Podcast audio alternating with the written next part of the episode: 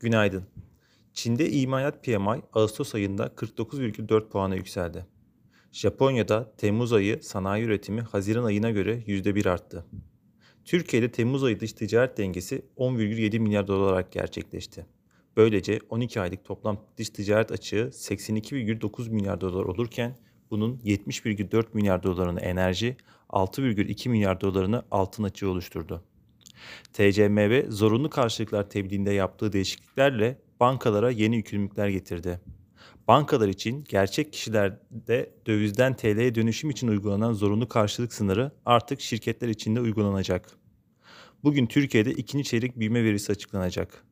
Yurt dışında Avrupa bölgesi TÜFE ve ABD ADP tarım dışı istihdam verileri takip edilecek.